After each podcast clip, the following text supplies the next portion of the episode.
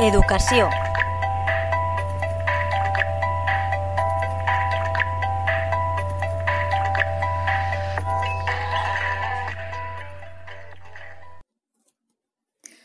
Hola amigos de la Tegua Radio. Esta semana estamos de enhorabuena. La esperada orden que funde bastante legislación de la comunidad valenciana en relación a la inclusión, a los sistemas y procedimientos, como respuesta educativa que tienen los centros hacia esa integración, pues ya está aquí. Se trata de la Orden 20-2019 de 30 de abril, la cual regula la organización de la respuesta educativa para la inclusión del alumnado en los centros docentes sostenidos con fondos públicos del sistema educativo valenciano.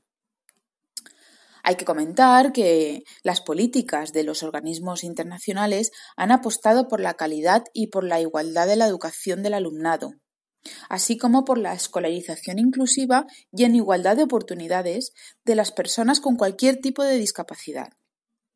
Así lo dicen numerosos decretos y órdenes de varios años anteriores. Bueno, vamos a hablar un poquito de esta nueva orden el objeto de la cual eh, no es otro que regular la organización de esta respuesta educativa eh, de los centros docentes en el marco de la educación inclusiva, para garantizar el acceso, participación, permanencia y progreso de todo el alumnado con el derecho fundamental de la educación y con los principios de calidad, igualdad de oportunidades, equidad y accesibilidad. Además, también pretende regular la detección de las barreras a la inclusión, la identificación de necesidades específicas de apoyo y de compensación de desigualdades, tanto en el ámbito educativo como en el administrativo. Cabe decir que esta nueva orden se desarrolla en el ámbito de los centros públicos sostenidos con fondos públicos de carácter no universitario.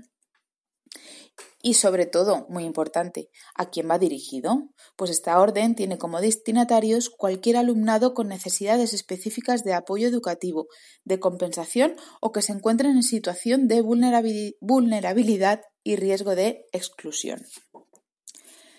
Bien, bueno, pues si nos metemos un poquito más, os comento que esta orden eh, consta de 59 artículos y 12 disposiciones adicionales.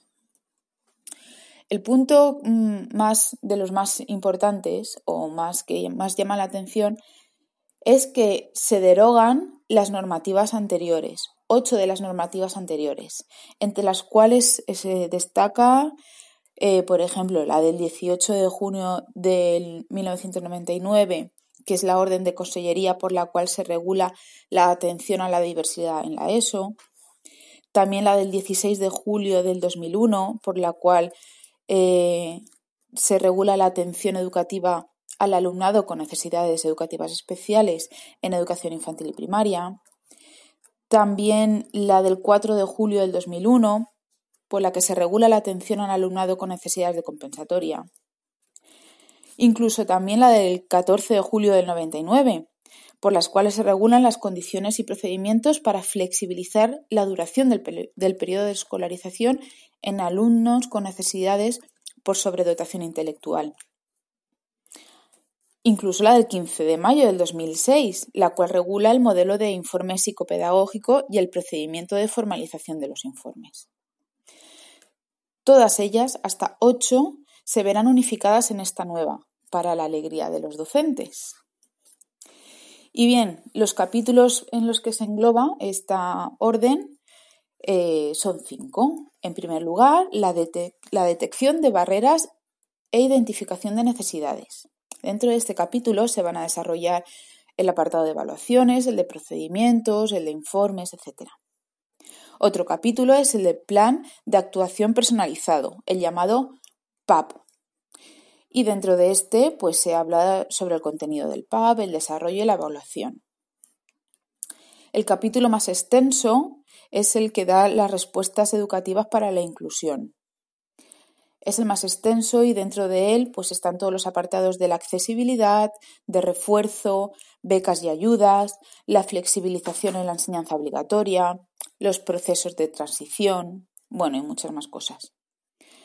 Otro capítulo es el de apoyo a la inclusión, el del personal de apoyo a la inclusión y por último el de la escolarización, en el que se hablarán de ratios, de criterios de escolarización, de unidades específicas, incluso de la, atención domiciliaria y la hospitalización, hospitalaria.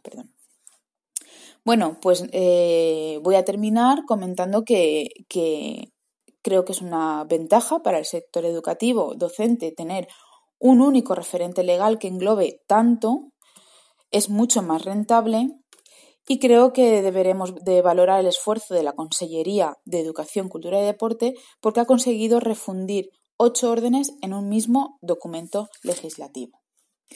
Espero que haya sido de vuestro interés esta información y os emplazo a juntarnos de nuevo el próximo miércoles. Un saludo.